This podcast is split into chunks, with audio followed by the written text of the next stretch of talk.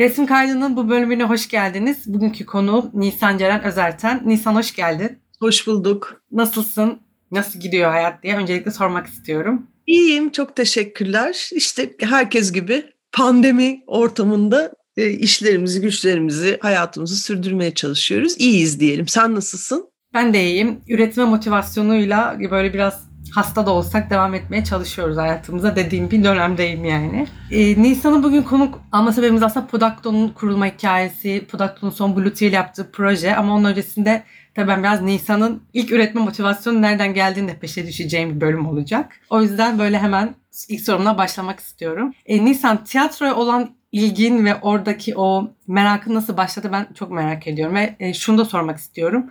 Diğer sanat dallarıyla, disiplinleriyle de bir ilgin vardı da tiyatroya sonradan karar verdiğin gibi bir durum oldu mu? Ya şöyle aslında benim sanat, genel sanat dallarıyla tiyatronun da onun içindeki yeriyle e, bir izleyici olarak ilgim vardı sadece. Ankaralıyım ben doğma büyüme. Fakat üniversitede e, işte felsefe okumayı düşünüyordum. Fransa'ya gidecektim. Sonra bir şekilde Ankara'da kaldım. Bir kentte kentsel tasarım okumaya başladım. Aslında çok ilgisiz. Sinemayla çok alakalıydım ama izleyici olarak sadece. Büyüdüğüm ev, ailemde sinema, kitap, şiir, müzik çokça öyle bir ortamın içinde yaşıyorduk ama izleyici olmanın dışında çok bir ilgim yoktu. Kentsel tasarım e, okumaya başladığımda genel anlamıyla işte tasarım, sahne vesaire biraz daha o taraflarım galiba açıldı ve e, yapım tasarım, sanat yönetmenliği gibi aslında bu alanlara ilgi duymaya başladım. Kendi kendime küçük araştırmalar yapıyordum okulu bir yandan okurken. Tiyatro gibi bir spesifik hedefim yoktu. Yani çok fazla oyun izleyen birisi de değildim açıkçası. İstanbul'a üniversite sonrası çalışmaya geldiğimde aslında 2005 yılında e, Berkun'la, Berkun Oya'yla, Crack'le tanışmamla başladı tiyatro maceram diyebiliriz. E, o anlamda sahne sanatları, canlı performansın büyüsü vesaire o hakikaten işte e, klişe tabirle sahne tozunu yutmak, orada çalışmaya başladıktan sonra da kopamadım. E, hayatta en sevdiğim, üretmek anlamında kendimi en iyi ifade ettiğimi düşündüğüm alan oldu. İlk çalıştığım oyunda Berkun'la birlikte Yangın Doğası rüyasıydı. Eski AKM'de oynuyorduk. Ülkü Duru, Ahmet Uğurlu, Ali Atay, Berkun. O anlamda ilk oyun olarak da bence çok şanslıydım e, yangın doğası konusunda ve devlet tiyatrolarında bu işi başlamak, görmek anlamında. Sonrasında devamı geldi Crack'le birlikte ve bağımsız olarak ama tiyatroya ilgim bu şekilde başladı. Çok güzel bir hikayeymiş ve tam böyle beklediğim bir şey. Çünkü genelde bu konumlanmadan önce böyle hepsinin içerisinde dolanmak, gezinmek biraz böyle bu işin doğasında var. Peki tam olarak yapımcı olarak konumlanmaya başlamak nasıl oldu? Yani bizim Berkun'la çalışma biçimimiz diyeyim zaten 2016 yılına kadar 2017 yılına kadar aslında hep birlikte çalıştık. Sonra ben bağımsız da işler yapmaya başladım. Dolayısıyla bu 15 yıllık yaklaşık kesitte Berkun Krek'in kreatif başı olarak, yazarı yönetmeni olarak zaten çok net bir konumu vardı. Ben de prodüktörlük yapmaya başladım. Yani ilk günden aslında öyle gelişti. Tiyatroda yapımcılık kavramı vesaire işte bunlar çok da tartışılan konular, çok da bıçak sırtı konular. Çok derinine girmek istemiyorum ama çok e, alışılagelmiş bir durum değildi, bir pozisyonlama değildi diyelim. Ama biz orada açıkçası yapımcı mı, prodüktör mü yani o titrilere ya da bir şeylere takılmaktan çok biz gerçekten iki kişi kişi Berkun'un yazdığı bir şeyi ondan sonra nasıl hayata geçiririz diye başladığında aslında realizasyonunu sağlayan kişiydim ben. O görevde yer alıyordum ve bir ekibimiz vardı. E, bunun adı da yapımcılıktı. Böyle başladı aslında.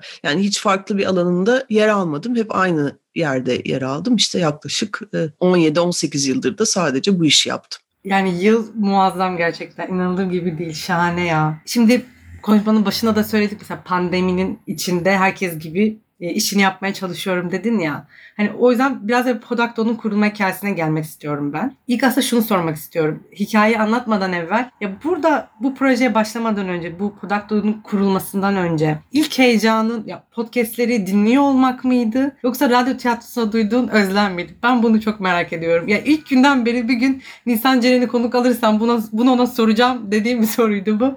O yüzden sormak istiyorum. Sağ ol. Yani biraz iç içe geçti aslında ama hani önce soruna e, spesifik cevap vereyim. Podcast dinlemek ve sesli kitap dinlemekle başladı. Eş zamanlı e, biz ekip olarak da e, tiyatro metinleri böyle okumaya başladık. Kendimizce böyle küçük bir havuz oluşturuyorduk, okuyorduk, üstüne konuşuyorduk. Hani hep böyle evet sahneler açılınca, düzelince ne yapabiliriz sahneye gibi. Hani bu zamanı böyle değerlendirelim gibi bir motivasyonla. Bir yandan da üretimden yaptığımız şeyden, hayal kurmaktan kopmamak, kendimizi canlı tutmak adına. Aynı zamanda da çok kişisel bir notla ben çok yürüyüş yapmaya başladım. İstanbul dışında küçük bir yerde geçirdim çünkü o büyük ilk kapanmayı diyelim ve podcast dinlemeye başladım. Çok dinlediğim yani çok nasıl diyeyim hikayeleri dinleme biçimi olarak çok podcast tercih ettiğim bir şey değildi ama içine girince yürüyüşle birlikte acayip e, yükseltti beni işitsel dünya. E, bir yandan da bu tiyatro metinleri okumak vesaire. Sonra böyle bir fikir oluştu. Acaba biz bu oyunları podcast formatında kaydetsek, aa bu bir yandan evet zaten radyo tiyatrosu oluyor. Sadece arkası yani o kadar iç içe geçmiş bir şey ki hani şuradan başladık oraya gittik gibi diyemem de aramızda sohbetini yaptıkça evet bu arkası yarın olmayan bir radyo tiyatrosu.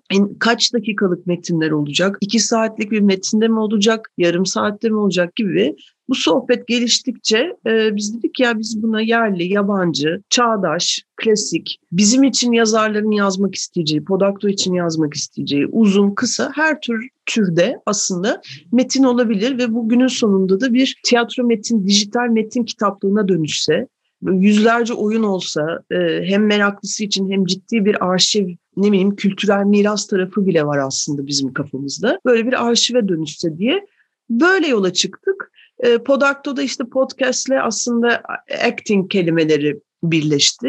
Sonra işte böyle bir takım e, yakın olduğumuz tiyatro oyuncuları, e, yönetmenler, yazarlar onlarla konuşmalar başladı. Böyle ciddi bir telefon trafiğine dönüştü o. Ama herkesin de çok Mayıs Mayıs 2020 idi sanırım. Nisan Nisan Mayıs 2020. O dönemi biraz hatırlarsan böyle herkesin de çok bir şeye ihtiyacı olduğu bir dönemdeydi. Dolayısıyla herkes de coşku ve sağ olsunlar büyük şeyle karşıladılar. Aa tabii ki ben de elimden ne gelirse yaparım gibi genelde cevapları aldık. Öyle yola koyulduk. Önce evlerde işte dolap içlerinde ses kayıtları, kapıya malzemeler bırakıyorduk. O kayıtlar gerçekleşiyordu. Böyle onun çok tatlı fotoğrafları da var. Böyle böyle ondan sonra bizim de beklediğimizden daha geniş bir şeye dönüştü. Ve böyle Podakto organik, esnek, özgür bir oluşum bugün aslında. Ee, içinde yer alan metniyle, oyunculuğuyla, sesiyle, teknik tarafıyla e, yer alan herkese ait bir oluşum diyebiliriz herhalde.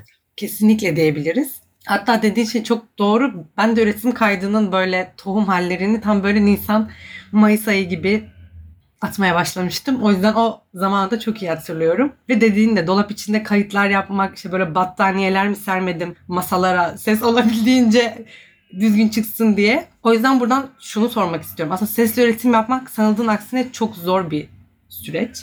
Ve bu projeye başlarken, Blue TV olan projeyi söylüyorum. Fikir aşamasında bunun üretim sürecinin de artık insanlara ulaşması gerekiyor gibi bir motivasyonunuz var mıydı? Çünkü baktığınızda bu projede üretimin her aşaması var. Ya e, şöyle aslında Blue TV'de olan e, Podacto Studio diye adlandırdığımız Podacto'nun sekmesi çok sonra gelişti kafamızda. Yani bu biraz önce de işte özgür, esnek, organik nesi bir takım kelimelerle tanımlamaya çalıştığımda Podacto'yu aslında biz kafamızda hep nasıl diyeyim yani bir yere e, hapsetmeyelim, çok net sınırlar çizmeyelim, bir sürü şey üretebilen bir yer olsun diye yola çıktık. Hep öyle kurguladık. Dolayısıyla işte bunun bir kısmı Storytel'de yer aldı, bir kısmı e, free mecralarda Spotify vesaire gibi. Tiyatrolar TV ile bir işbirliği yaptık. Çok, 100 oyuna vardık. Ama bu arada da hep Blue TV ile maceranın başlaması da şöyle hani bunu gör, nasıl görselleştirebiliriz? Görselleştirsek ne güzel olur. Tabii ki o fikrin en e, yukarısında bunu sahnede canlı yapmak var. Hala da var.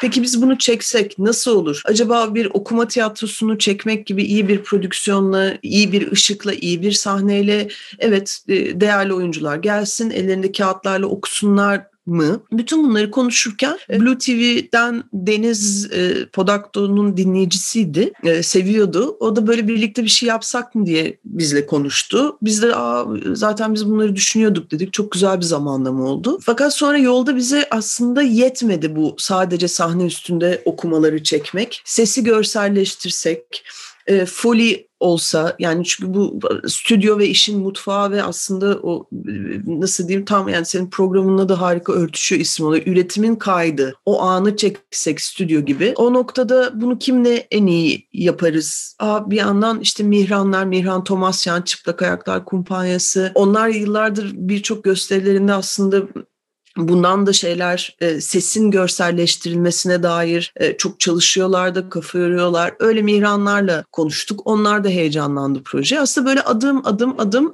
gelişti. Sonra e, sağ olsun yine yazarlar, oyuncular orada çok içinde yer almak istediler. Ferit'e gittik. Ferit Katipoğlu sen bunu yönetir misin? Ferit yönetirim dedi. Aslında parçalar çok güzel birleşti diye düşünüyoruz ve kafamızdakinin üstünde bir biçimde ürettik. Çok iyi. Ben de şunu sormak istiyordum. Sen mesela esnek kelimesini söyledin ya. Çağdaş yazarlara alan açma konusu bence çok değerli bu projede. Ve tiyatronun her zaman çağına hızlı ayak uydurabilme gibi bir özelliği olduğunu düşünüyorum ben. Hani sen bu konuda ne söylemek istersin? Kesinlikle yani hep böyle yine bunlar şey riskli konular ama hani tiyatro böyle işte eski bir anlatım biçimi vesaire çok konuşulan şeyler ya kesinlikle katılmıyorum tabii ki. Ben de çok hızlı işte dijitalleşme ise dijitalleşme, kısa oyunlar üretimi ise kısa oyunların üretimi gibi çok rahatlıkla şekil alabilen, zamanın ruhunu yakalayabilen, sonuçta canlı performans bu. Çekseniz de aslında biz orada 10 dakikalık bir oyunu başlattık ve 10 dakikayı hiç kesmeden çektik. Aslında canlı bir şeyi çekmek gibi davrandık. Dolayısıyla evet kesinlikle katılıyorum. Çok imkan tanıyor olmasına. Bir yandan tabii ki bu pandemi başında da çok ve hala da e, sahne sanatlarının dijitalleşmesi çok büyük bir sohbet tartışma konusu. Çok da sağlıklı bir şey bence bunu tartışmak. O anlamda da işte bir takım denemeler de oldu. Film, sahne, e, tiyatro oyununu birleştirme anlamında vesaire. İyi örnekleri de oldu. Daha az iyi örnekleri de oldu mutlaka. İşte dünyada çok büyük tiyatrolar arşivlerini açtılar. Yani türlü türlü şekillerde denendi. Biz de onun içinde aslında sese dayalı bir biçim biçim bulmaya çalıştık. Bunun yani bizim dijital kelimesini kullanmaktaki esprimiz aslında gerçekten dijital tiyatro metin kitaplığı. Yani tiyatronun dijitalleşmesi demeyiz ama ses anlamında e, o dijital e, mecrayı kullanabilmiş olmak. Çok iyi anlattın. Ya ben şeye katılıyorum bu arada. Dijitalleşmeyle ilgili tiyatro üzerinde bunu tartışmaya devam etmemiz gerektiğini. Ben de katılıyorum buna özellikle. Peki şunu soracağım. Sen de tam olarak sesle kurduğunuz bağdan bahsettiğin için. Ya online platformlarda seyirciyi sesle kurduğu bağ dair düşündürüyor aslında bu proje. Hani başında üç farklı ses duyacaksınız. Bunu duydunuz mu gibi bir şeyle aslında dinlediği şeyin daha farklı olacağını önden söylemiş oluyor. Bu da bana aslında şunu hatırlatıyor. Ya bu yapımcı olarak biraz riskli bir alan online platformlarda. Yani burada nasıl bir süreç ilerledi ya da şöyle sorayım, hissini sorayım. Yani böyle bir korkunuz oldu mu başlarken? Seyirciye doğrudan geçecek ya da geçmeyecek gibi. Podakto için genel bir soru mu? Gene stüdyo örneğinde mi? Stüdyo örneğinde bir soru bu. Çünkü aslında online platformların hani alışık olmadığı bir şey bu ve hani seyirciyi hep böyle görselden ziyade burada sesle ilgili bir şey var ve lütfen ses sisteminizin ve hani sesi duyabildiğinize emin olun diyen bir uyarısı var. Bu bence çok kıymetli ve değerli bir şey. O yüzden biraz bunu irdelemek istiyorum ben. Yani tabii biz demin anlattığım gibi yolda da aslında hani daha fazla ne yapabiliriz bu bunu ifade etmek anlamında diye de kafa yorduğumuz için en sonunda izleyene kadar aslında ne yaptığımızı ve ortaya ne çıkacağını tam olarak hayal edemiyorduk. Hayal ediyorduk, heyecanlanıyorduk ama çok mu eklektik kalacak, seyirciye geçmeyecek mi? Çünkü gerçekten konsantre olunması gereken ve aynı anda da çok fazla e, dikkat dağıtan unsurun da içinde yer aldığı yani şey anlamında izleyenler anlayacaktır demek istediğimi hani oyuncuyu mu takip edeceğiz, metni mi takip edeceğiz, etraftaki e, performans sanatçılarının seslerin üretimini mi takip edeceğiz gibi. Bunlar nasıl bir araya gelecek? Bizde de bir soru işaretiydi ama ben iyi geldiğini ve çalıştığını düşünüyorum. Ee, hani hep kendimize de söylediğimiz bir şey vardı. Yani gözlerimizi kapatarak da bunu dinlersek gerçekten bir oyunun seslerinin canlı olarak o an yapılıyor, üretiliyor olması anına vardığımızı düşünüyorum. Oyuncu performansı da bunun bir parçası. Katılıyorum. Yani zaten böyle hızlıca mesela 2-3 gün içinde de izlenebilecek de bir şey değil. Ben bebe bölerek her gün bir tane izleyerek ilerledim. E, burada aslında sinemada ses üretimi biraz büyülü bir alan. Burada şunu söylemeye çalışıyorum. Hani diğer oyuncunun sesi haricinde diğer seslerin oluşma süreçlerinin de içinde olması biraz böyle büyüleyici bir, bir şey bence. Ve bunu da sunma fikri tam da böyle aslında üretimin nasıl olduğunu anlatma motivasyonundan geldiğini düşünüyorum. Hani buna katılıyor musun? Burada da e, o süreçte yani e, o tarafla nasıl ilerlediniz? Ne gibi zorluklar yaşadınız? Biraz onu da konuşalım istiyorum aslında. Yani bu daha önce hiç yapılmamış bir şey. Ve hani bu tarz yani şu su bardağını şöyle koyduğunuz sesini hani aslında bu gösterilmek istenen bir şey değil aslında. Bu çünkü büyülü bir şey ya sinemada hep. Hani bunu insanlar bilsin çok istenmez.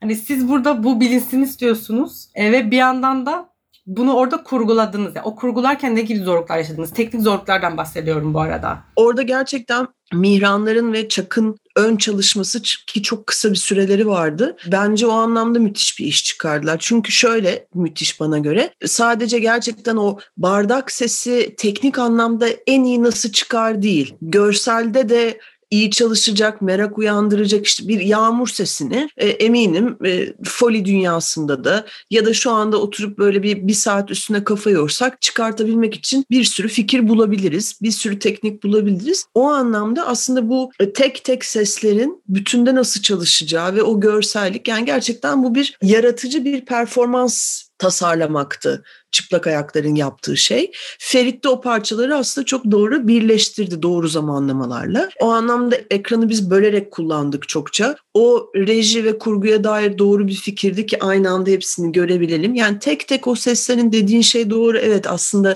bu bir takım büyük prodüksiyonlu çizgi filmlerin Ratatouille gibi kamera arkaları var. Folilerin nasıl üretildi işte o soğan doğrama sesini çok garip bir teknikle yapıyorlar gibi. Onu görmek çok eğlenceli olabiliyor. Bu burada da işte o 8-10 dakikalık videonun içinde bir uyumla akmasını sağlamaktı. Bazı oyunlar için çok daha birebir oyunun bütün seslerini canlandırmak gibi bir fikre gittik. Gitti Mihranlar. E, şair gibi Serkan Keskin'in seslendirdiği oyunda daha konseptüel bir şey buldular ve sadece yazı ve kağıtla ifade ettiler. Benim çok beğendiklerimden bir tanesi. Oldum Ben Anne Aslı İnandığın seslendirdiği oyunda tamamen komedi sesi üretmek üzerine kafa yordular. Ki dediğim gibi çok kısıtlı bir zamanda hepimiz için çok yeni bir şeydi. Ama böyle 8 oyun için farklı şeyler buldular. Şimdi devamını yaparsak çok daha şey fikirlerimiz var tabii. Hani bunun da üstüne nasıl çıkabiliriz'e kafa yoruyoruz. Merakla bekliyoruz. Kesinlikle. Devamı gelmeli yani. Ekranı bölmek deyince burada şunu da soracaktım. Işığın yani o biçimde olması ve tepeden bir ışık olması yani o da bilinçli bir tercih diye düşünüyorum. Burada bu projeden biraz çıkıp şunu soracağım aslında. İlk yine Podakto'nun ilk kurulma zamanına gelerek. Şimdi tiyatroda sahne ışığı, hani sahne tozu diyoruz ya bir de sahne ışığı diye bir şey var. Yani tiyatronun en büyük dinamiklerinden biri. Şimdi kulak tiyatrosunda onu tamamen yok ettiğimizde yani ışık olmadığında Sence ışın yerini ne alıyor? Bu soru çok güzel bir soru. Hoşuma evet. gitti bir de zorladı da beni. Yani atmosfer galiba. Gerçekten atmosfer diyebilirim. Yani ses diyebilirim tabii ki ama ses değil bütünündeki tamperaman, e, oyuncunun onu nasıl okuduğu, kimi oyunda çok daha performatif tercihleri oldu oyuncuların. O anlamda da özgürlerdi. Kimisinde gerçekten oynar gibi okudular ve onun sonunda her oyunun kendine ait bir atmosferi ve ritmi oldu metinle birleşen aslında. Galiba ışığın yerini biraz o tempo aldı gibi hissediyorum. Bilmiyorum tam güzel bir soru. Teşekkür ederim ama ben cevabı çok beğendim bu arada ve şuna gittim sen bunu söylediğinde ben de e, radyo tiyatrosunu böyle hep arabada yani böyle köyden şehre gittiğimiz uzun bir bir saatlik yolumuz olurdu çocukken. Oralıkta dinlerdik gece ve hani bu soruyu sorarken ben düşündüm cevap bulamamıştım ama ben de şu an buldum. E, bence de şey betimlemeler ben de öyle düşünüyorum yani işte kapıdan girer ve şu olur falan gibi o dış ses üçüncü bir sesin olduğu şeyler bana da ışın yerini alıyor gibi geliyor. Ben de böyle bunu kendi adıma böyle not etmek istedim. Nisan soruların bitti eklemek istediğin bir şey var mıdır diye sana sormak isterim. Yok çok teşekkürler şeyde detaylı incelikli soruların için.